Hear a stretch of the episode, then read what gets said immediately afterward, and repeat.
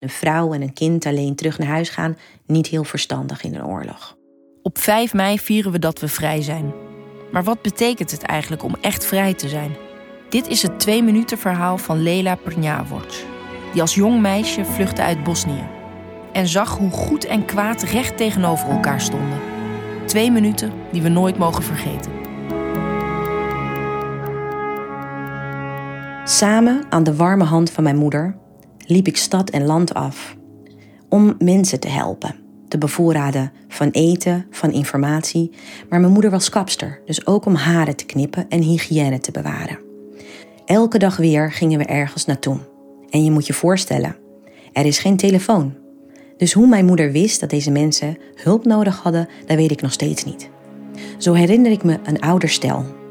Een hele lieve mevrouw en een aardige meneer.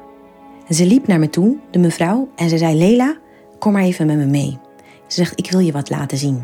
En ze nam me mee naar de binnenplaats van hun tuin.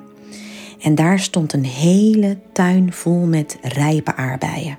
Ze gaf me een rood emmertje en ze zei: Ga jij maar lekker plukken, hoeveel je wil, totdat wij klaar zijn. En dat deed ik. Oh, wat was ik gelukkig. Alle planten af, de grootste aardbeien zoeken. Helemaal de emmer nokje vol maken. Was het gelukkigste kind op aarde. Een emmer aardbeien krijgen in een oorlog. Onbeschrijfelijk. Ze nodigde ons uit om te blijven logeren. Want het ging schemeren en een vrouw en een kind, een meisjeskind alleen terug naar huis gaan, niet heel verstandig in een oorlog. Maar mijn moeder zei nee, mijn jongste zoon zit in de stad, dus wij gaan ook terug. En gelukkig hebben we dat gedaan. Want de dag later vertelde mijn moeder dat die lieve vrouw, die in mijn geheugen gegrift blijft, diezelfde nacht met haar man samen geslacht is in hun tuin en opgehangen zijn aan hun huis als Jezus aan de kruis. Het bizarre van het goedheid van deze vrouw en de bruutheid waar haar leven een einde mee heeft gekregen. Dat is me bijgebleven van die oorlog.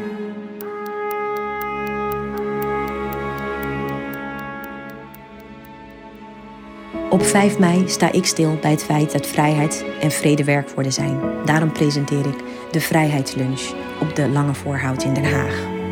Houd de verhalen uit de oorlog levend. Deel dit twee minuten verhaal, zodat we niet vergeten hoe kwetsbaar vrijheid is